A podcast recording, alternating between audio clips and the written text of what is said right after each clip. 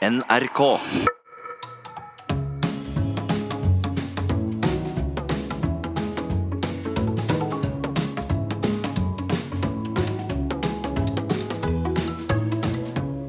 Hjertelig velkommen til Sånn er du, hvor vi, og vi, det er deg, Nils Brenna. Hei.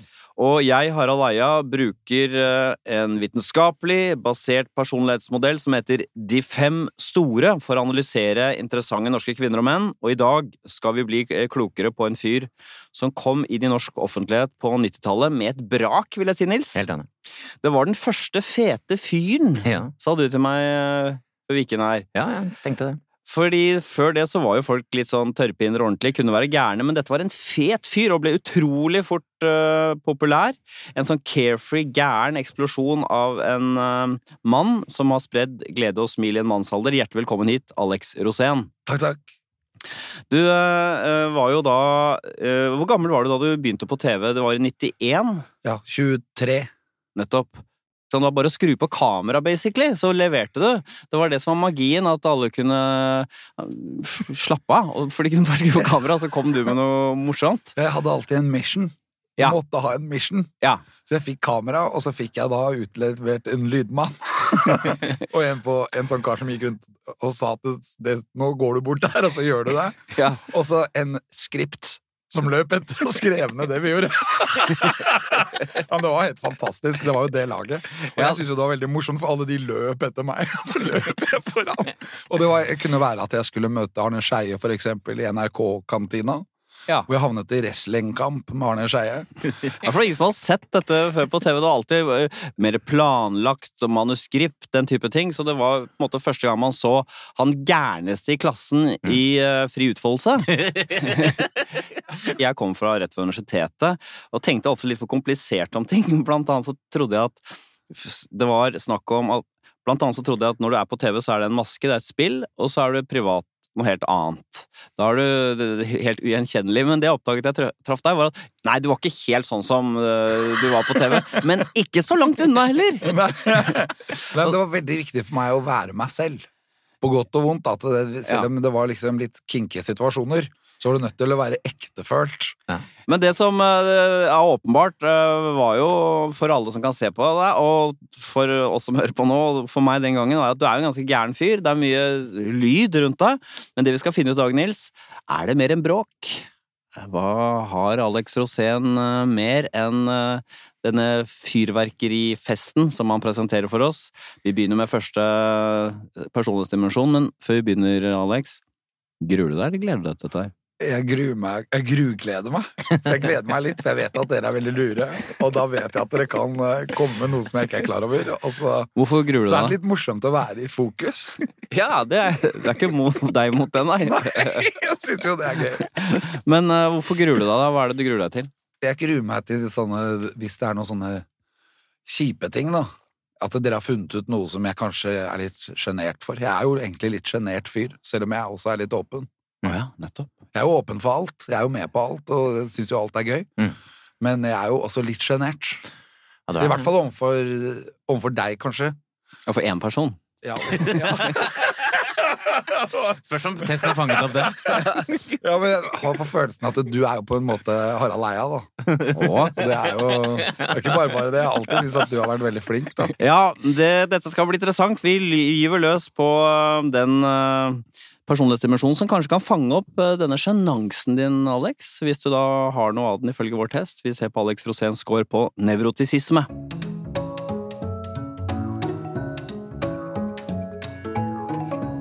Nevrotisisme er jo negative følelser. Det, er jo, det høres ut som en fæl ting, men det hjelper oss å overleve, Nils. Mm, det er riktig. Skremmer oss bort fra vanskelige ting og ordner opp i problemer for oss. Mm. Eh, Og vi begynner da med denne underdimensjonen som heter selvbevissthet. Angst i sosiale situasjoner, hvor usikker eller selvsikker man er sammen med andre mennesker. Sjenanse er jo dette her, egentlig. Egentlig så er det det. Så typisk folk vi har hatt her, Nils, som eh, har scoret høyt, som er selvbevisste, sjenerte typer. Are Kalve, for eksempel. Har du møtt han, Alex? Mm. Kan du skjønne hva vi mener? Ja. Så han er litt sjenert, ja. Og så er det mm, litt overraskende, kanskje. Audun Lysbakken, politiker. Litt sjenert. Odd Nordstoga. Og Knausgård. Eh, De som er lave, som ikke har noe av det, det er eh, Torbjørn Isaksen, Linn Skåber, Petter Stordalen og Anniken Huitfeldt, som da også holder kurs eh, for Arbeiderpartimedlemmer om å bli kvitt skam, som hun da ikke kjenner igjen selv. Hva med deg, Alex? Hvor er du her, tenker du? Kanskje sånn midt på tre. Jeg tror ikke jeg er midt på tre noen gang, så jeg tror kanskje jeg ikke er sjenert. Det er riktig. Du har, eh, bare for å forklare scoren først, da. 50 er gjennomsnitt. Eh, ned mot 40 begynner å bli lavt. Eh, 30 er 1 laveste. 28. Veldig lavt. Svært lavt. Svært lavt. Du er veldig lite, veldig lite sjenert ifølge vår test. Ja. For du gjettet nå at du var lite sjenert, men du har akkurat sagt at du er litt sjenert. Men uh, har du noe sjenanse? Ja, masse. Har masse? Ja, sånn som når jeg kom og møtte dere nå, så var jeg jo litt sjenert, faktisk. Men hva er det du er sjenert for, da? Jeg er bare sjenert sånn fordi at uh, jeg har på en måte respekt for andre mennesker, Ja. og så vil jeg på en måte ikke bare utbasunere meg selv og overdrive meg selv overfor dem. Sånn, ja. Ja, du holder litt igjen, på en måte. Ja. Men er du urolig og nervøs? Nei, jeg liker ikke å prate først. Alltid. Så da liker jeg at andre prater ja litt først, og så kan jeg eh, reagere på det. Så det er en slags hensyn, da, kanskje? Ja, Mer enn ja. direkte sjenanse? Ja, hensyn. Ja, Nettopp. Det er Ja. veldig viktig. Og det, det, dette skal vi komme tilbake til, for Mm. det er andre sider ved deg som gjør at du nettopp ikke ønsker å være så brautende i møte med andre. Men, eh, men det er ikke sånn at du er hemmet når du treffer andre, for eksempel? At du holder igjen fordi du ikke tør? Nei, jeg tenker mer som strategi. Ja, det er smart Ja. å, å ikke være den folk tror at jeg er hver gang. Jeg skjønner. Så, så det er ikke noe klokkerert sånn Det er ikke sånn Knausgård sjenanse og skam og ubekvemhet og, og hvordan skal jeg avslutte denne samtalen og Nei, jeg føler veldig lite skam. ja. ja, fordi det ligger jo her, ikke sant? Skamfølelse. Så det lurer jeg på, for du har jo vært borti mange situasjoner. Ja. Har du noen gang vært flau? ja. Du har det? Ja. For eksempel når da? For eksempel Ja, det er en gang som jeg nesten ikke kan snakke om. Ok, men Heldigvis er det bare nesten Men for eksempel en gang så skulle jeg inn i en kirke og synge for bruden og brudgommen. Og så var det Du vet, Hassel du har den derre eh, Du har to kirker utafor Bærum. Den ene ligger mot mot den andre siden, eh, der hvor det der asylmottaket ligger, Mm. og så ligger det en på Haslum der. De er helt like, de kirkene. Mm. Og så hadde jeg bare sett bildet av den kirken jeg skulle, og så kjørte jeg forbi den første først, og da tenkte jeg at det er den. Ja. Og så gikk jeg inn i den, og så var det jo helt feil kirke. Det var jo feil bryllup.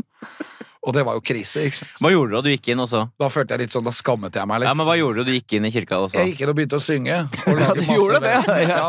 og I den gale kirken? ja. Fordi du så det ikke med en gang, nei. Du så at det var feil bryllup. Nei, jeg så ikke det med en gang, for jeg Nei. kjente jo ikke alle gjestene, så jeg tenkte at ja, de er jo det er sikkert de er her, de òg. og så kom jeg opp, og så gikk jeg helt opp til alteret der, og da kom hun mammaen mot, da hun gråt. Og så sa hun 'må du ødelegge dette her også'? Og Også? jeg- Ja! Hun hadde jo en- et inntrykk av at jeg hadde ødelagt mye før. Hvor gammel var du da? Når er dette omtrent? Det er kanskje 20 år siden, eller 15 år siden. eller noe. Og hva sang du? Jeg sang rockelåter. Flere, ja. Du ble ikke Ja, stoppet. Ja, ja, nei, flertall, det var et slags sånn medley. Og så Men aleine, Men eller? dette var jo ikke Ja, helt aleine. Ja. Gikk oppover kirketrappa jeg skulle lage vesen. Ja, for du, for du kom inn syngende. Ja, Nettopp, ja. Så en medley da opp opp ja, kirkegangene. ja. ja. Altså litt sånn i Elvis-gata, ikke sant? Og det var jo bare helt krise. Så jeg måtte un unnskyld, altså, jeg skal ikke ødelegge det her. Og jeg bukket og nikket og beklager, jeg må ha gått i feil kirke.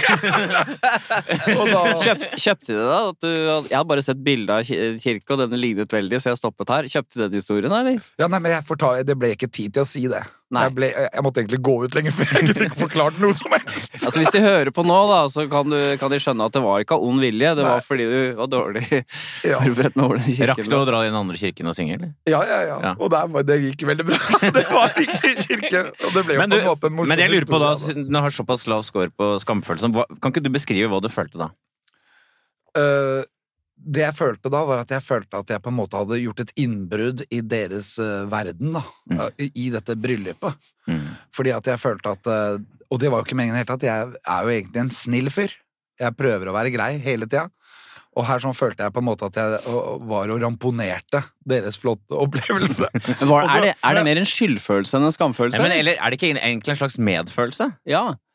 Dårlig samvittighet, jo, det er nok en medfølelse, ja. Ja, for det er ikke en direkte Det er ikke direkte skamfølelse du har der, er det det? Nei, øh, Jeg utfordrer deg. ja, nei, det kan jo Jeg fikk i hvert fall veldig dårlig samvittighet for de, men Ja. Ja, nettopp. Ja, dårlig samvittighet, Men- det får jo mennesker som eh, ikke er plaget av sosial angst. Ja, fordi, Hvis men du, du får, gjør men du får jo, ting. det er en skyldfølelse, kanskje, som du sier da, Harald? Er det ikke det? Det ligner mer på en slags Er ikke skyldfølelse en slags dårlig samvittighet? Jo, det tenker jeg også. Du har gjort noe dårlig og stygt, men skamfølelse er jo mer sånn at du kjenner de andres eh, dømmende blikk på deg. ikke sant? Du har ikke gjort noe umoralsk, du bare skammer deg fordi du f kjenner på at andre ser ned på deg.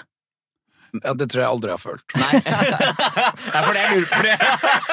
For det jeg lurer på er sånn her Når du går ut og herregud Hvor lang tid tok det før du var kvitt den følelsen? For å si det sånn? Det, det jeg kom utenfor. ja. Da er jeg ferdig med det. For da tenkte jeg egentlig bare på at jeg skulle gjøre en bra jobb på neste. Ja. Neste kirke. Ja, men, men, Men kunne du som Anne Knutfeldt holdt kurs i å bli kvitt skamfølelse? ja. Hva, hva, hva er skamfølelse, egentlig? Sånn som du opplever det? Jeg må vel definere det litt for meg selv. Ja, Hva ville du sagt, da? Skamme seg, det må være egentlig sånn Jeg tenker da veldig oftest på seksuelle ting, da. Ja. Og ting som bryter med gamle normer, og at du skal skamme deg fordi at det er eh, At du er slem, at det er en fæl følelse, Mm. og at du ikke tar hensyn til andre, Mm. på en måte. Mm. Ja. Det tror jeg Men, er altså- jeg føler skam er. Men hva skulle du si i det kurset, Alex? Du, du som ikke kjenner noe skamfølelse, hva skulle du sagt i antiskamkurset? Da ville jeg ikke konsentrert meg så mye om skam, men mer om å realisere seg selv, og, og, og, men gjerne ta hensyn, som dere sa i stad. Mm. Ja. Det tror jeg Ja. er veldig viktig. Ja. Det, jeg tror det er viktig å ha med den. Ja, fordi ofte så hører man de som er plaget av mye skam, driver opp for hverandre, ser jeg på, det, sånne, på nett og sånn. Eh, Vi må bli flinkere til å gi mer blaffen. Vi må bli flinkere til å gi mer faen. Ja, og det, det kommer kurset til å handle om. Ja. Hvordan få suksess ved å gi faen. det hadde vært Jeg vet ikke om alle karrieredører er åpne hvis Ja, du, du må- bare satser på det. Ja, men det er bare viktig å lære seg å ha litt av den følelsen, for den har jeg selv også. Jeg tenker sånn at ok, nå er alle de sure på meg, men who gives a shit, liksom? Ikke sant? Får ikke konsekvenser. Nei. Men vi kan se på en annen underdimensjon, eh, som er en annen, et annen side ved det å være nevrotisk, og det heter impulsivitet. Det handler ikke om hvor spontan du er, men i hvilken grad du gir etter for dine drifter og begjær.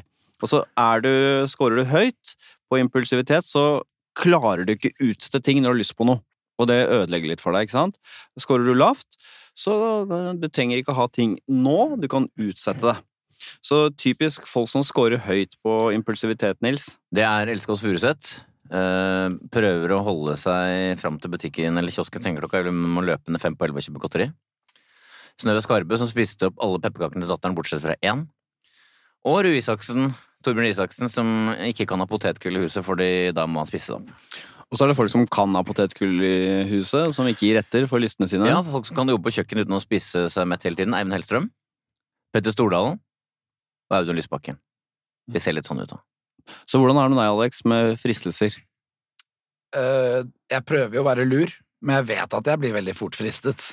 Ja. Jeg er jo veldig glad i livet. Og jeg, får, jeg vet at jeg For eksempel den vinen der.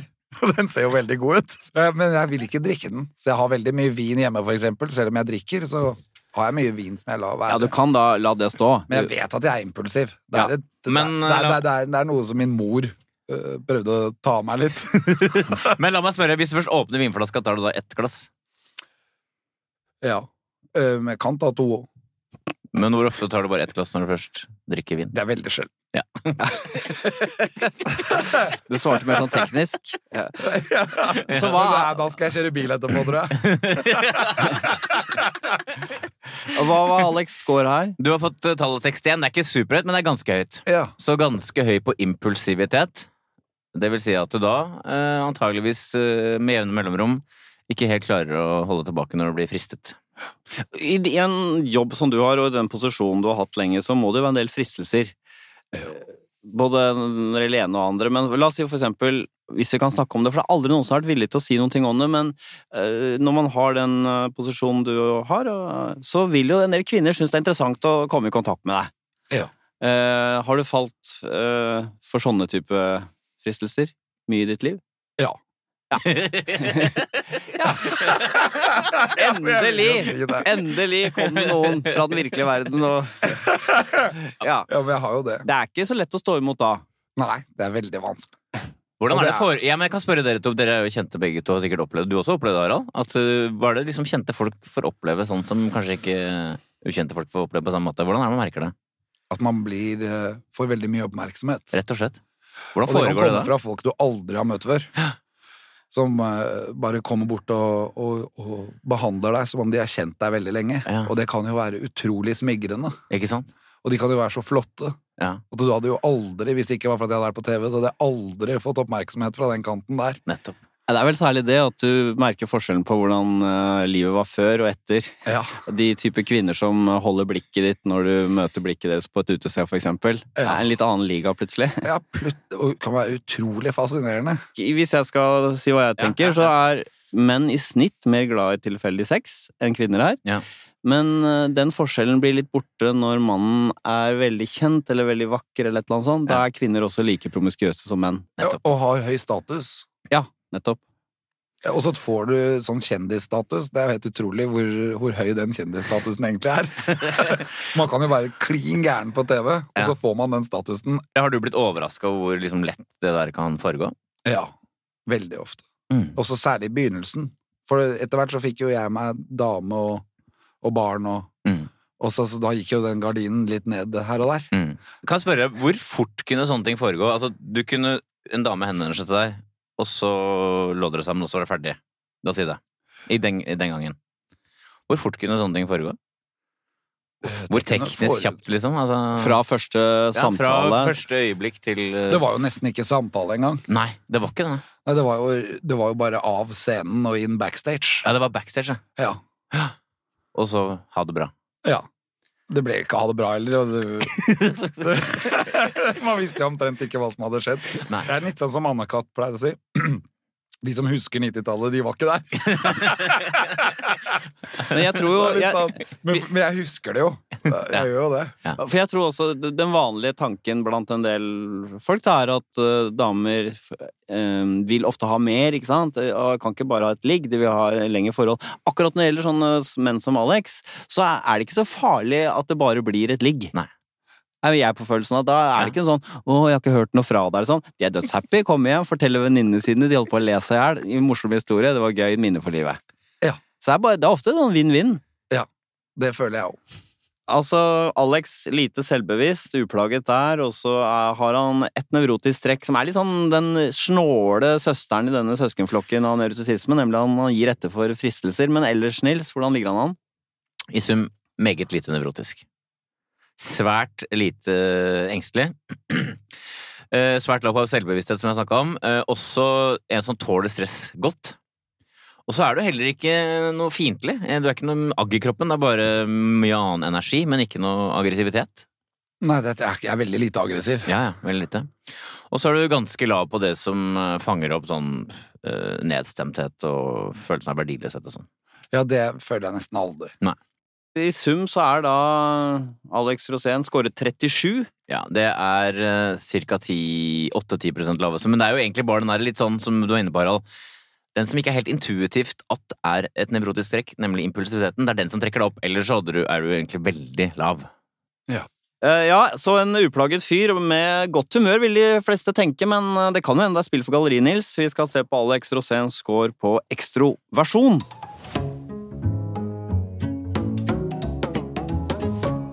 Ekstraversjon handler ikke bare om hvor utadvendt man er, men også hvor mye glede man faktisk kjenner på. Hvor mye kick man får. Eh, og vi begynner med denne underdimensjonen som heter positive følelser. Som handler da om den positive energien man opplever, og med hvilken kraft og intensitet man uttrykker glede. Vi har jo hatt flere her, Nils, som eh, scorer lavt på dette med positive følelser. De sprudler lite. Ja, Linnea Myhre et eksempel på det. Uh, Ingrid Helene Håvik, vokalist i High Kite, et annet eksempel. Men også, kanskje litt mer overraskende, Torbjørn Isaksen, som har veldig lite glede i seg. Han syns for eksempel det er helt forferdelig med sånn landsmøtestemning. For det er sånn Må ta kjempeentusiasme. hendene over huet, Han, vet du. kla- han, Ja. han løfter aldri hendene over hodet og jubler. Og Harald også er ganske lav her, faktisk. Ja. Kanskje litt overraskende. Eh, De som er høye, eksempler Anne B. Ragde, Petter Stordalen, Kristian Ringnes og Pernille Sørensen som klapper bare måltidet kommer på bordet hjemme på en hverdag. Ja, jeg kan tenke meg at jeg er i den avdelingen der, jeg. Det, det kan du trygt si. Eh, 70, det vil si 1% høyeste. Fantastisk. Ja, Blir du glad nå? Ja, jeg vet jeg hadde regnet med det. Hvor lykkelig, hvor lykkelig er du på en skala fra 1 til 10? Da er jeg sånn åtte-ni, tenker jeg. Ja, ja. Du går ikke for tieren? Jo, jeg kan gå for tieren, men da er jeg overlykkelig. Ja, det er for mye igjen, ja. Ja, men jeg er det òg. Men hvor, hvor, men hvor, hvor glad kan du bli? jeg, jeg, kan- jeg kan bli så glad, ass. Ja. Og det er bare sånn fordi at jeg bare føler at det er så hyggelig å være til stede. Ja. Og være med på ting som skjer rundt, og være, møte dere nå. For selv om jeg har gruet meg litt, så har jeg jo gledet meg veldig. Aller mest glede, tenker vi. Ja, det tror jeg òg. Men jeg er også litt sånn jeg, kjenner på den der å være litt nervøs og sånn, men Jo, så tenker jeg sånn at dette her blir så gøy. Det heter spent. Det er spent du beskriver. Ja. Du, du, men det, så når vi setter deg på TV, le av det folk sier og sånn, ikke sant? ja. Jeg vet jo hvor vanskelig det er å fake det. Mm. Altså, Jf. min teori da jeg kom rett fra universitetet og begynte på TV. Jeg trodde man kunne late som, men det kan man ikke. Folk gjennomskuer at det ikke kommer fra et ekte sted. Helt riktig. Så du, når du Ja. kom der, og da var det virkelig at du hadde det så gøy som det så ut til at du hadde det. Ja, jeg hadde det. Nei, det er helt riktig, for det var helt fantastisk. Jeg Ja. nesten alle typer jobber er gøy. Ja. Jeg kan jobbe med hva som helst. Hva er det du kan glede deg? Er det men mennesker, Ja, eh, Sosiale setup, selvfølgelig. At jeg møter mennesker hele tiden, og at det, alle menneskene er så forskjellige. Var det mye treige folk i NRK da du kom, eller? Ja, veldig. det var det. Ja, det var jo, det var jo alle du hadde sett siden tidlig 70-tall, ikke sant? De var jo der alle sammen. Og det var jo det som var gøy, men jeg var jo der egentlig for å røske opp litt. Jeg Ja. elsket jo denne konfliktene som kom på grunn av at jeg gjorde gale ting. ja, ja. Og så var det sånne møter med Kringkastingsnemnda og alt sammen, ikke sant? Og da var det sånn at du må ikke gjøre sånn og sånn, og så var det liksom De gjør det allikevel! Men det var jo Einar Førde som var kringkastingssjef den gangen. Ja, var ikke han det var ganske sånn på lag med sånn som deg? Jo, det følte jeg. Han var veldig hyggelig alltid. Så jeg følte at jeg var på lag med han. Har du noen gang fått høre fra kjærester og sånn at du er for blid? Ja. Ja. Irriterende blid, liksom. Og hvilke situasjoner er det hvor du får den kritikken? Det er sånne situasjoner uh, hvor det er unormalt å være blid. Typ. For eksempel under noen type taler hvis det er trist, Ja. det som blir sagt, eller hvis det er situasjoner hvor man egentlig skal være slippe andre til. Og så plutselig står jeg og er midtpunktet. Har, har, du et eksempel, eller? Ja, det er sånne jule... I, i, julesettinger. Ja. Hvor det da ofte er en eller annen som holder en tale. Det da- en tante, for eksempel, som sånn. alltid skal holde lange, lange taler. Og da, hva Og gjør du da? Nei, da kan jeg komme med, med et innspill, da. Og så passer ikke det, da. Og som du ler av sjøl òg, kanskje? Ja. Og så er det alltid noen andre som ler, men det er alltid En annen side ved det å være ekstravert er å være spenningssøkende, i hvilken grad man da søker spenning og opplevelser i den ytre verden, som gir da opphav til sterke følelsesmessig kick. Det er eh, sånn at noen av oss eh, ikke er så opptatt av å oppsøke spenning. De liker eh, helst å gjøre rutine... De liker helst å gjøre ting de gjør hver dag, kanskje, og ikke farlige ting og litt sånn. Så Nils, hvem er det som er typisk ikke spenningssøkende? Steinar Sagen. Truls Svendsen. Og heller ikke Fredrik Skavlan, som fortalte at han en gang hoppa fallskjerm og hadde ingen glede av det. Nei. Syns heller ikke var noe skummelt. Nei, ikke engang det, nei.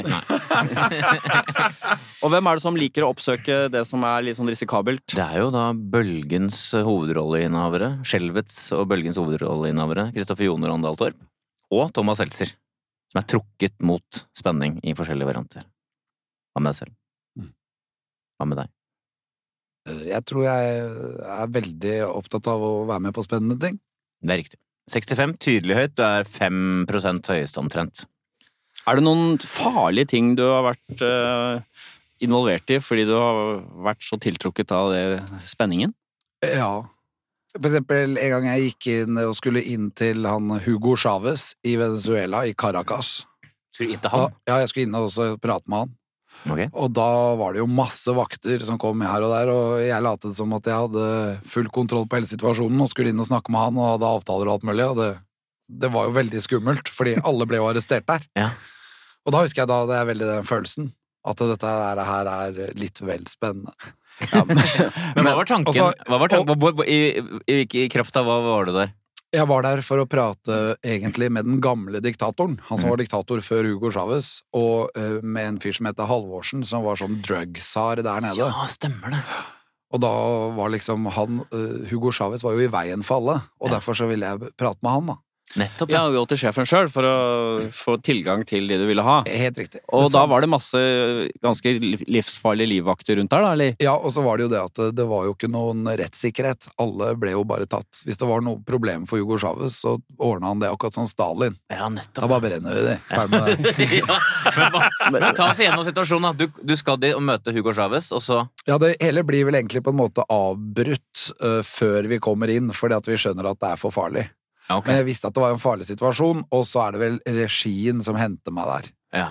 Redder deg, men da, da, da, da dras du. Du syns på forhånd det virker gøy og spennende å skulle gå inn i en sånn type situasjon? Ja, og så merket vi at det kunne gå utover de andre i det produksjonsteamet som var med meg innover. Nettopp, Og jeg kunne sikkert ha fortsatt. Ah, Ok. Og det var jo ikke før jeg møtte Jarle Andøy og blei med på Berserk-ekspedisjon til Nordpolen at jeg hadde med meg en kompis som blei med hele veien. Ja. Ja, for han sier ja.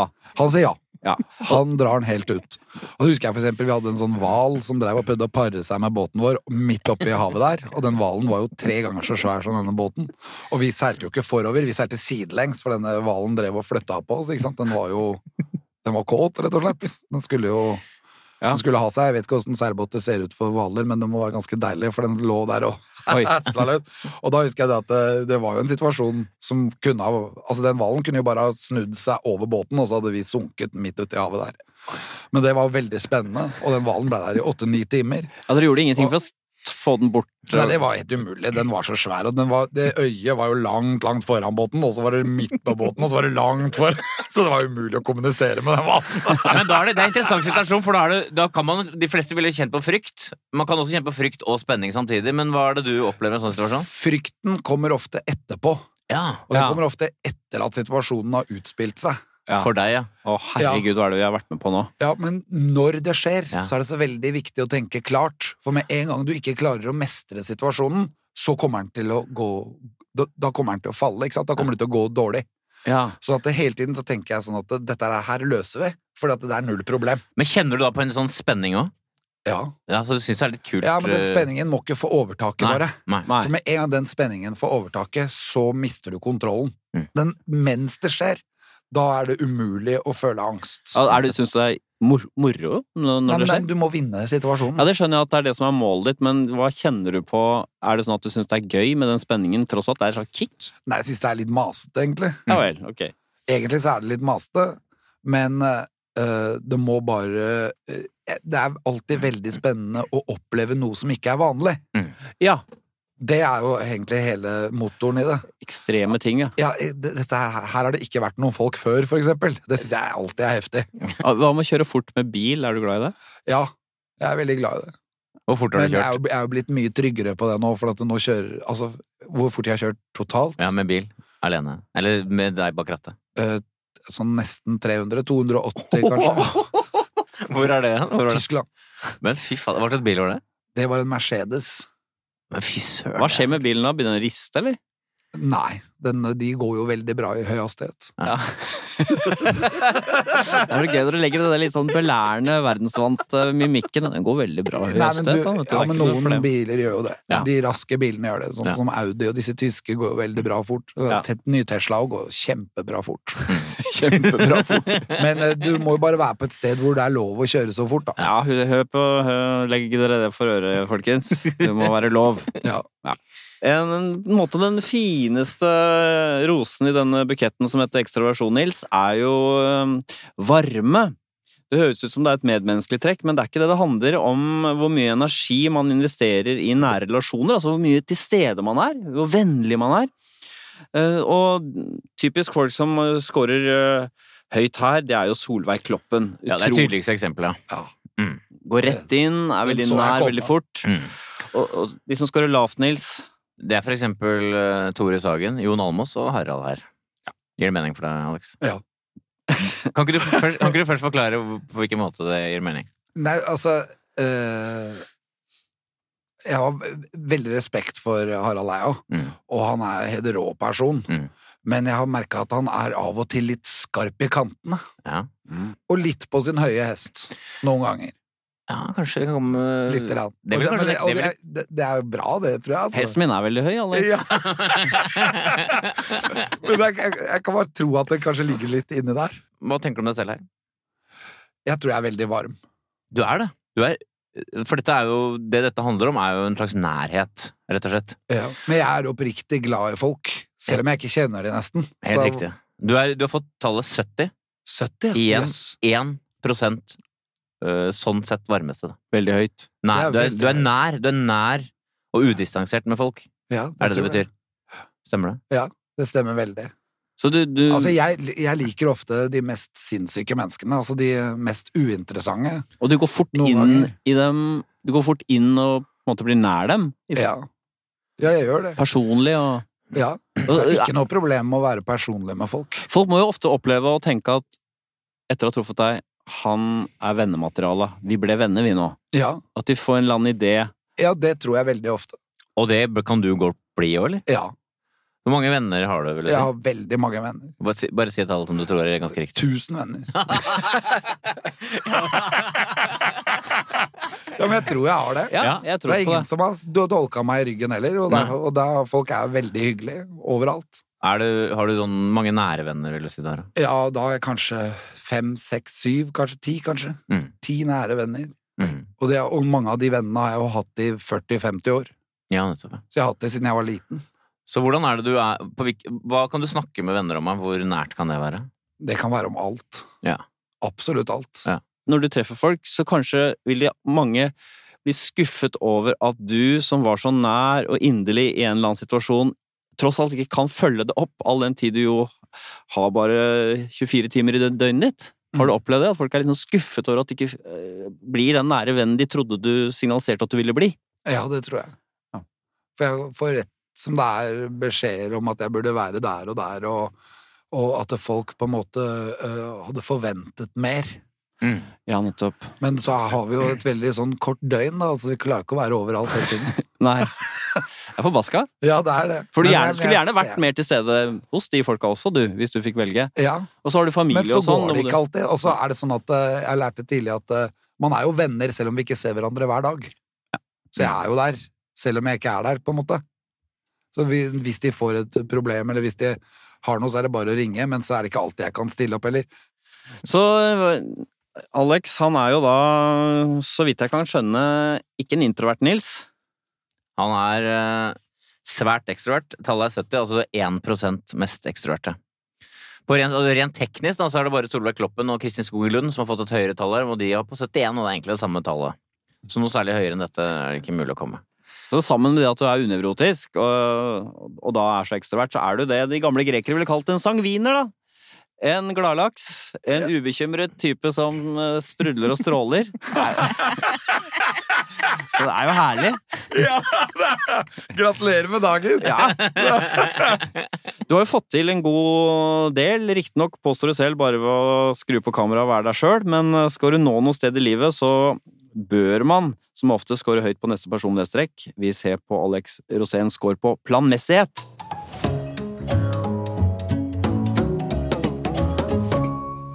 Planmessighet det handler om å gjennomføre oppgaver, og da gjennomfører man oppgaver som er kjedelige. Alle kan gjøre ting som er morsomt, men å gjøre ting som er kjedelig, da må du score høyt på dette personlighetstrekket her. Og vi begynner med prestasjonsstreben, eller det å være ambisiøs, i hvilken grad man drives av et ønske om å være best. Kan vi si det sånn, Nils? Ja, blant annet. Men det er også det at du, du, du drives fremover av at du vil gjøre det bedre.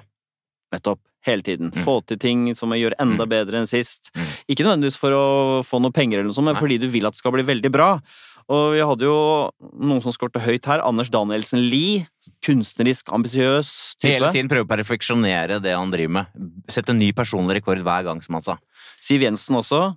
Ja, Og også venstresidens eh, Bård Vegar Solhjell. Han er jo nå i hva er han nå? Eh, World Wildlife Fund? Nei. Ja, sjef for eh, dyre... Ja, og hvor skal han etter det? Det vet vi ikke. Ikke sant? Få med plantene også, kanskje. ja. Og som, men så har vi de som ikke er ambisiøse i det hele tatt. Egil Hegerberg. Som bare er fornøyd med å kunne spille bitte litt på gitar og tjene masse penger på det. Trenger ikke noe mer. Truls Svendsen. Er ikke noe drevet. Og det samme gjelder Steinar Sagen og Marte Michelet. Marte Michelet, litt overraskende, egentlig. Ja, for hun er opptatt av at ting kan bli alvorlig, og da må hun skrive om det og sånn, men det er ikke egentlig ambisjonen hennes som driver henne. Det er en slags sånn uh, rydde opp i ting på vegne av rettferdigheten. Hva med deg, Alex? Er du, er du målbevisst på den måten som dette trekket fanger inn, eller er du ikke det? Jeg tror jeg er det. Du er det. 62, ganske høyt. Cirka 12% høyeste. Ja, for dette er litt overraskende, fordi mange tenker på deg som en typisk sånn happy-go-lucky-type som bare jeg bare blir med på et eller annet, så er det moro, og går det bra, så er det gøy, hvis ikke er det ikke så farlig. Men ifølge testen her, så er du ganske ambisiøs. Ja, men jeg er det. Jeg har jo masse mål hele tiden. For eksempel. For eksempel gi ut plater, Ja. gi ut musikk. Ja. Eh, For eksempel eh, lage TV-programmer, eh, nye show. Jeg hadde jo I fjor så hadde jeg sånn Tordenskjold-show, hvor jeg bare prater om Tordenskjold. Stemmer det? Ja, og det er sånn 300 år siden, alle disse store hendelsene med Tordenskjold. Ja. Og da leste jeg masse bøker om Tordenskjold, og da fikk jeg Tordenskjold-dilla. Ja. Og det var en sånn greie hvor jeg skulle lære mer om norske folkesjelen. Hva er det som egentlig er den norske folkesjelen? Hvor kommer den fra? Ja. Og den kommer jo ikke fra vikingtida, altså noe gjør jo det. Men den store helten for Ibsen og Wergeland og Lie og alle disse store forfatterne i Norge, det var Tordenskjold. I 1910 så var det en sånn folkeavstemning om hvem barna på skolen ville være. Og da var det nummer én Jesus, nummer to Tordenskjold, nummer tre Gud. Gud på tredje? Ja, men Tordenskjold er liksom blant de guddommene. Men det er jo interessant, det, fordi det er nettopp det. Fordi folk som er høye her, har jo også en tendens til å jobbe mye, for de hele tiden gjør det bedre. Eh, motsatsen er folk som tenker 'godt nok er best', det holder, liksom. Men der er ikke du, da. Nei. Du drives mot å gjøre det bedre og få det beste ut av det. Ja. Ja. Og jeg føler, at det, jeg føler aldri at det, man kan i, i, Sånn som vi har holdt på, da, i den bransjen vi har jobbet i, så føler jeg aldri at jeg har kommet til mål. Nettopp. Jeg har, aldri lag, jeg har ennå ikke lagd mitt beste TV-program, Nettopp. Nei. eller min beste plate. Uh, vet, om, vet ikke om den kommer engang. Men jeg, jeg føler på, når det gjelder meg sjæl, at jeg, uh, jeg føler at uh, jeg alltid At ting har kommet litt lett, hvis Ja. du skjønner. Ja. Derfor føler jeg at det må jobbes mye. Ja. Og så har jeg jo veldig mange helter. Og en av de er jo deg, Harald. Fra, fra vi var eh, på U og sånn.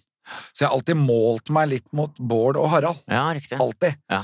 Og de har jo vært veldig flinke hele tida Ja. til å lage masse bra TV, Ja. masse bra show, masse bra setups. Og så har jeg alltid eh, følt at eh, jeg må jo være der. Ja. Og da, og da er jo liksom målet er mye høyere enn det jeg egentlig er kapabel til å Ja, gjøre, da. nettopp. nettopp. Nå hører jo dette her som smigger, men på en måte så er det jo det. Mm. Og, men allikevel så er det fordi at eh, jeg har alltid hatt mye høyere mål enn det jeg egentlig kan innfri. Ja, jeg skjønner. Og derfor så blir man ambisiøs av det. Jeg skjønner. Ja. Jeg skjønner. Det er, bare si fra vårt ståsted, Bård og meg, vi har alltid tenkt at du er eh, velsignet med et mye større talent enn oss. Derfor så måtte vi jobbe liksom mye lengre dager og hardere og sitte og knote mer, mens du var jo en sånn naturtalent som bare, det kom seg lett til det. da. Så det er veldig gøy å høre om at du har tross alt vært så, har tenkt i de baner Ja, men jeg var så imponert over dere, for dere med den jobbinga deres, så tenkte jeg hva er det de gjør når de jobber? Ja. Og for dere jobbet jo hele tiden. Hver gang jeg var på NRK, så var jo dere der. Ja. Så hva skal vi si, eh, Nils? Eh, Alex Rosén, er han en planmessig type? Er han en du bør ansette hvis du er arbeidsgiver? Han har litt sammensatt score. Når det gjelder faktoren planmessighet eh, samlet, så er du på snitt. Eh, Du har litt, ikke veldig, litt lav selvdisiplin.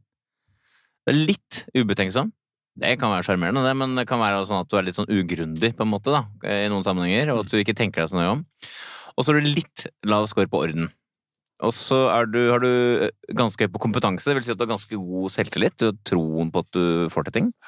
Og så er du da høy på det som heter prestasjonsrevne, som fanger det ambisiøse. Så midt på tre her, men det skjuler litt av, litt av hvert, egentlig. Mm, mm. Så langt har vi da funnet ut, Alex, at du er en eh, lite bekymret, meget glad eh, fyr. Så en god gammeldags gladlaks, kan vi kalle han, Nils. Rett og slett. Med litt planmessighet innimellom, eh, ambisiøs, eh, som også var litt overraskende for en del av oss. Men er du en kunstner? Er du en poet? Har du dybde i deg? Er du søkende? Hva er Alex Roséns score på personlighetstrekket åpenhet for erfaringer?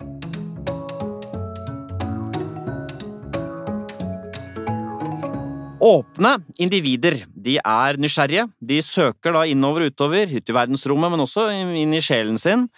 Og vi begynner da med den en spesiell form for åpenhet, som er åpenhet for ideer. Det er mer en intellektuell nysgjerrighet. Er man opptatt av teorier, opptatt av litt sånn eh, abstrakte kanskje ideer, logiske resonnementer? Og av de vi har hatt her som ikke har vært opptatt av ideer, Nils, Elsker oss Furuseth. Veldig lite teoretisk anlagt eller interessert. syns det er kjedelig, bare lurer på om ting funker eller ikke. Ja. Det samme gjelder Fredrik Skavlan. Og Truls Svendsen, som er veldig åpen på at han hadde ingen lengsler, dessverre, i den retningen. Han syns ikke det er noe spennende med noen form for teori, egentlig. Nei, og, og han beklaget det for så vidt, Ja. men han, øh, det, det hadde han ingenting av. Men det har ingenting med å være smart å gjøre. Understreke det, altså. Det er ikke noe Mm. med intelligens å gjøre, det handler om hva man er interessert i. Og så har vi folk som scorer høyt her. Det er Anders eh, Danielsen Lie, skuespiller og lege. Og så har vi Kristoffer Joner, skuespilleren. Eh, Veldig mange interesser i den retningen der, faktisk. Og også, eh, kanskje litt overraskende da, alpinist Kjetil Jansrud. Veldig dratt mot eh, interesse for sånne ting. Hvorfor er det sånn at man kjører fortere i svingen når man legger innerskien der, ytterskien der? Han vil ha svaret på Ja, ikke sant? årsaken, ikke bare f lære liksom teknikken. Ikke sant? Han skilte seg fra de andre på laget, for de vil bare vite hva som funker, men han vil vite hvorfor. Hva med deg, Alex? Er du en, eh, interessert i ideer? Jeg tror det. Du er veldig tydelig høy her, Alex. 70. 1 høyeste. Oh. Så veldig tydelig en Så du er jo da Det er forskjell på å være en én-intellektuell eh, og det å være intellektuelt interessert, kanskje. For, men du er jo da intellektuelt uh, nysgjerrig, da, rett og slett. Ja, veldig. Ja? Filosofi uh, syns du er spennende? Ja, veldig. Filosofi er fantastisk. Ja. Jeg hadde jo lyst til å bli filosof. Ja, du hadde det? Jeg hadde lyst til å bli foreleser. Ja. Jeg hadde lyst til å være en sånn for, som forklarte Platon og Aristoteles. Hva, har, du no, har du vært noe innom filosofi, eller? Jeg har, vært, jeg har studert det på Blindern, Ja. men jeg tok aldri eh, eksamen, for jeg ble jo kjendis midt oppi ja. studiet. Kjendisfilosof. Forbannede kjendissjefene. Jeg kommer aldri tilbake til Blindern igjen. Men så du tok da X-Fil først, ikke sant? Det har Ja. du tatt, så du har vært borti filosofien der, og så begynte du også å studere på faget Ja, og filosofi. idéhistorie. Ja, ok. Ja. Det er jo Så- kjernen i dette personlighetstrekket. Så har du noen favorittfilosofer, eller? Uh, ja, jeg har flere. Ja, for eksempel. Uh, Kant. Ja. Uh, Habermas. Ja. Alle all, Descartes. Ja. Hume. Ja. Også greske. Helt Ja. fantastisk. Jeg var jo i Hellas i sommer, og Ja. da måtte jeg bare opp på den høyeste bygningen og bare få det bildet hvor jeg sto foran Akropolis. og da skrev jeg bare sånn eh, Demokrit, Heraklit, Thales, eh, Platon, Aristoteles. Daddy is in the house! Så det er sånn du har lest hundrevis, kanskje tusenvis av sider i filosofi, da, rett Ja, og ja, masse. Og jeg, men jeg leser hele tiden. Ja. Så det er, jeg leser Akkurat som uh, Tordenskjold, for eksempel. Det var jo veldig mye bøker som skulle gjennom for å få oversikt over han. ja. Hva er det du leser nå, for eksempel? Eh, Musk. Ja. Nå leser jeg veldig mye Tesla-gründeren? Ja. Ja. Og er enormt imponert over han. Ja. Og jeg tenker det at eh, han eh, bør, det er han vi egentlig bør følge. Hvis vi skal tenke miljøvern i Norge, Ja. så bør vi høre hva er hans plan. Og så bør vi legge oss så tett mulig opp mot han som mulig. Ja. Fordi da hadde vi sluppet vindmøller i hele norske naturen, og vi hadde Ja. sluppet masse. Og så kunne vi allikevel eh, ha reddet jorden. Nettopp, ja. Så jeg tror at han kommer til å vinne en Nobelspris en eller annen gang. Eh, nå holder han jo på å lage internett gratis for hele jorda, og i løpet av to år så har vi alle internett gratis. Det bør jo Telenor og Telia begynne å tenke på. Hva gjør vi nå? Men er- jeg blir så imponert over sånne folk som er visjonære, da. Det som politikerne kanskje burde vært. Mm. Og da leser jeg, nå leser jeg veldig mye om han, og jeg følger han veldig tett på Twitter. Eh, Den biografien som er skrevet, er skrevet av en journalist, så den er ikke skrevet av han. Han mener jo at det er løgn alt som står der, men det er det ikke. Det er bare fordi han er grinete. Ja, men han er en vriompeis også, er han ikke? Jo, jo. Men jeg syns det er så bra med folk som på en måte sier at 'jeg har løsningen'. Ja. Det er, Ja, det er så bra, kult. det. Og kan gjennomføre det. Ja, han gjør jo det. Ja. Han skyter jo ut en, rak en rakett hver dag nå. Men for en del så vil det være litt overraskende at du er så intellektuelt interessert. Det er i hvert fall en vanlig forestilling at når man er så lett på foten som du er, ler mye, så er man også litt overfladisk, da. Har du ofte folk blitt overraska over at du har denne, denne interessen for det abstrakte? Ja, veldig. Og det er sånn særlig med folk som ofte er forutinntatte, men også folk som har peiling og som ikke helt vet hvem jeg er, men som på forhånd har funnet ut hvordan jeg er, da. Mm. Og det, men det er et slags sånn trumfkort som jeg har. Mm. For det er akkurat som å vise en ny side av seg selv. Ja. Og det trenger jo vi i vår bransje, for vi må jo hele tida fornye oss. Nettopp. Og da er det veldig greit å, og har litt sånn intellektuell kapasitet, da. Ja, så jeg, da føl- jeg føler jo ikke at jeg har det, egentlig, for jeg Ja. føler at jeg hele tiden må lære nytt. Men det er ikke så viktig for meg å hele tiden fortelle folk at jeg er smart, for Mm. det, det er morsommere å være gæren. Ja, du er ikke forfengelig. Nei. Men det som er interessant her, da En ting er at du kommer med mye lyd, og sånn, så det har vi kartlagt, men nå har vi jo også kartlagt at du både kan gå nært folk, men du kan også se rundt deg, og stort og smått, at du er, er du nysgjerrig på alt, egentlig? Kan man si det? Ja, det tror jeg. Du må være veldig nysgjerrig type. Jeg er veldig nysgjerrig, og så er det sånn at jeg alltid tenker at dette har jeg ikke gjort, dette her vil jeg prøve. Ja, Ja. Sammen med spenningssøkingen og impulsiviteten så blir det en god kombo, ja. Ja. Og Og da er det, ikke, rart- det, er, ikke- det er ikke rart at du opplever mye da, når du er veldig nysgjerrig, du har høy fart, du har lav impulskontroll. Ja, det her, her er jo så bra. Det nå vet jeg, for Herodes Falsk han skrev en bok en gang, og der var det et kapittel om meg, og han skrev akkurat det du sa nå. og det er jo, men det er svaret. Du kommer med svaret. Og pluss at du er fryktløs! På toppen av det hele. Ja. Ikke Det sant? ingenting som doktor Du har, bremser. masse, du har masse krefter som vil fremover, og ingenting som holder deg Nei. tilbake. En interessant og en helt annen side ved det å være åpen, er åpenhet for følelser. Og det, det handler ikke bare om at du er åpen om å snakke om følelser, men at følelser betyr mye i livet ditt. Og så scorer du høyt her, så kjenner du på mange sinnsstemninger, både hos deg selv og hos andre. Og scorer du lavt, så du har kanskje litt følelser, men du forholder deg ikke helt til dem, du lytter ikke ordentlig til de følelsene du måtte ha. Og jeg selv er jo en som ikke har så høy score her. Jeg Nei. er ikke helt i Det kontakt. spiller ikke så stor rolle i livet ditt, egentlig. Følelser. Men de gangene jeg har det, så kjenner jeg ikke så godt på dem heller. Jeg vet Nei. ikke hvor de kommer fra helt. Nei, ikke sant? Det samme gjelder Tore Sagen. Litt flat, da, kan du si. Eh, Og Truls Svendsen. Eh, En komiker som har mye av det, som bruker følelser mye, og som senser mye, er Espen Eckbo. Eh, Men også en fyr som Eivind Hellstrøm, litt overraskende for noen kanskje, og kanskje også overraskende Siv Jensen. Folk som har sensitivitet. Det er derfor hun er god leder ja. for partiet. Hun merker hva som foregår og tar hensyn til og når folk er lei seg eller sinte eller Ja, ja, ja, Det er viktig det å føle empati. Mm. Nettopp. Og hva med deg, da? Hva føler har er, du er du et følelsesmenneske, tenker du, Alex? Ja, det tror jeg. Det er helt riktig, og det, det er jo noe som er interessant der, syns jeg. For at du er jo unevrotisk, men emosjonell. Og det er, går det an å Sola Kloppen er det, for eksempel. Unevrotisk, men emosjonell. Følelser farer igjennom, men de blir ikke liggende igjen som grums, så å si. Nei, jeg føler at jeg har masse følelser. Skal jeg bare si tallet, så har jeg gjort det? Ja. Ja. 63. Oh, ja. Cirka 10 høyeste. Så dette, dette tror jeg er litt overraskende for mange, Harald. At Det det tenker jeg kommer en bråkete fyr, men med sensitiviteten som følger med. Kan ikke du fortelle hvordan du opererer, så å si, når du kommer inn med Jeg- den sensitiviteten? Eh, jeg opererer sånn at jeg ser hvordan det mennesket reagerer. Jeg er veldig bra på å se ansiktene på folk, om de koser seg, eller om de er forbanna. Mm. Og også sånne småting. Litt irritert, eller litt glad. Mm. Ikke sant? Eh, og hvis de er litt glad, så ser jeg at da kan jeg kjøre på mer. Nettopp. Og så kjører jeg på mer, og så venter jeg til jeg ser at de begynner å bli At de har det ubehagelig. Ja. Og da trekker jeg meg litt tilbake, og så lar jeg de komme frem. Aha, det er en det- dans der, sånn hvor Ja, det er en slags sånn intelli- sosial intelligens igjen, hvor Ja. jeg bruker min sosiale intelligens mot dem, og, og så ser jeg hvor langt jeg kan dra den. Så i sum, eh, Nils, det høres ut som vi har med å gjøre med en uh, åpen person her. Svært åpen. 75, godt innenfor 1% høyeste på dette med åpenhet for erfaringer. Du har da svært høy score på eh, ideer, som jeg snakka om, eh, og på estetikk, alt som har med kunst å gjøre. Du har også svært mye fantasi. Så tydelig veldig åpen person. Vel, du er da meget eh, åpen, og da også nær og varm, Alex. Så det høres ut som eh, fasiten allerede er her når det gjelder neste personlighetsdimensjon, men sånn er det ikke. Dette er en helt uavhengig størrelse. Vi skal se hvordan Alex scorer på trekket medmenneskelighet.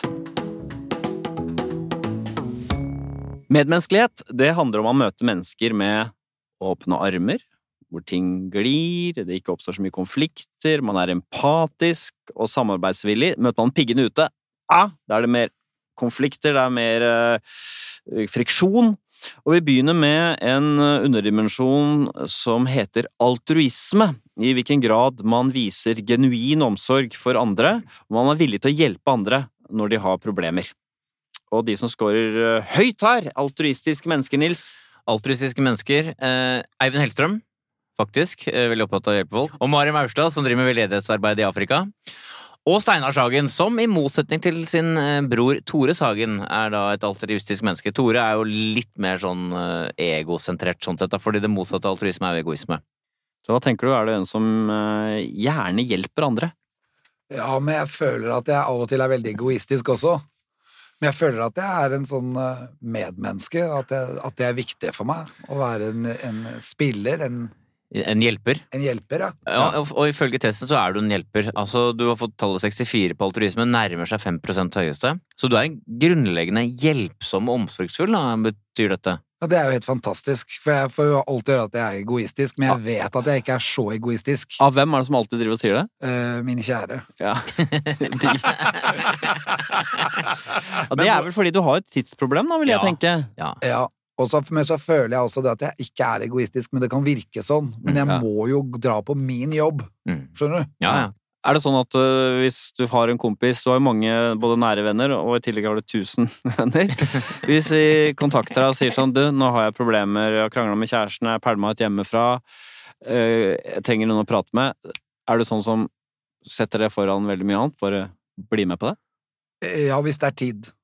For det er det, Ja, ja, for det det er det, ikke alltid det er Nei, tid. for det er det som er store, den store, det store punktet her, er jo dette med tid, egentlig. Ja, og det at det, jeg kan ikke bare gi bort alle pengene mine til folk. Ja, for folk spør deg om det, ja. Gjør de det? Ja, Ja, de gjør det. og det kan jeg ikke. Det går ikke, for jeg har så mange forpliktelser. Ja.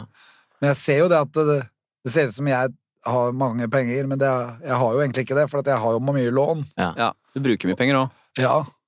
Og så vet jeg jo at det er noen annen måte jeg kan hjelpe deg på, men jeg vil jo gjerne hjelpe folk. Men du, Men så vet jeg jo det at i, det, i den bransjen vi holder på med, så er det veldig stressende faktorer. Og så plutselig står det en fyr, og så ser han han kameraten her, han snakka med meg for et halvt år siden, han hadde problemer, og jeg, jeg klarte ikke å hjelpe han, og så må jeg møte han etterpå, og så kommer manageren, og så skal han ha meg på en annen scene, Ja. og så forsvinner det mennesket ut, og så går jeg jo helt inn og gnager på at jeg ikke fikk snakket med den personen. Aha. Men det lurer jeg på nå. eh, Du får en del henvendelser fra folk som vil ha penger, for eksempel. Er det sånn?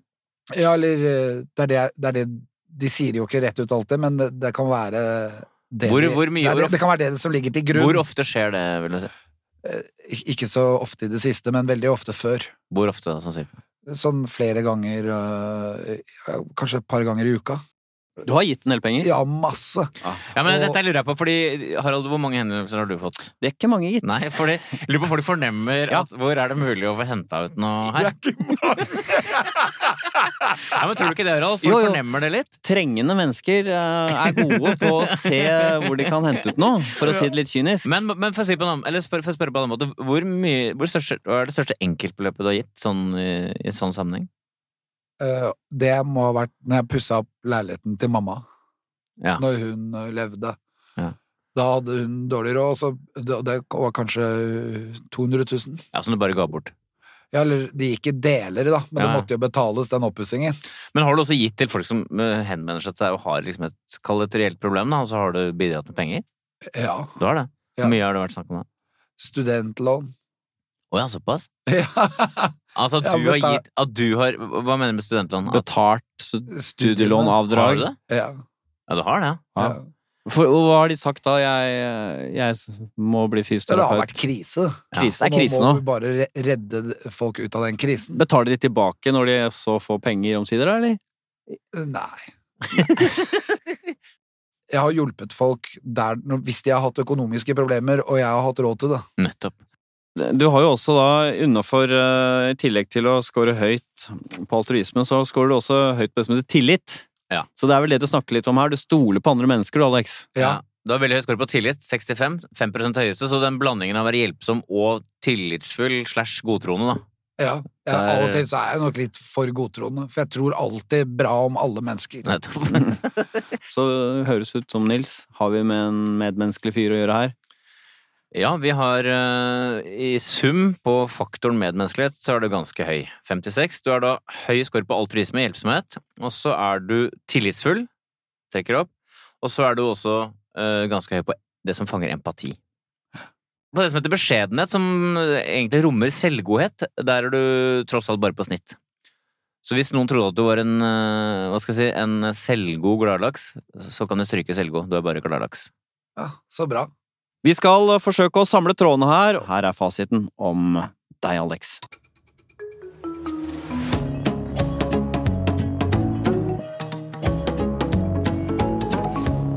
Ja, du, det du ser når du ser Alex på TV, Nils, det er jo bråk og glede, og det er jo sant. Du er jo en bråkete fyr som er veldig glad, Eh, så du kan på en måte si you get what you see. Mm. Men det vi ikke kan si, er what you see is what you get, for det er mer her òg. Det er akkurat det. I tillegg til det vi ser og hører, så er det da både en sånn nærhet, det er en følsomhet, det er en sensitivitet, det er en hjelpsomhet, og det er også en interesse for uh, vitenskap og teori uh, som uh, jeg tror folk ikke helt fornemmer at det er der. Så det, er, det kommer en, det kommer en bråkete og glad fyr, men det er mye mer dybde og hjelpsomhet som følger med på kjøpet. Jeg vil si du er en, en, et rikt menneske, i overført betydning, da. Det er bra test. Ja, testen er bra. Det er du som er bra, Alex. Det er. Ja, så kult! Takk for at du kom. Tusen takk for at jeg fikk lov å komme.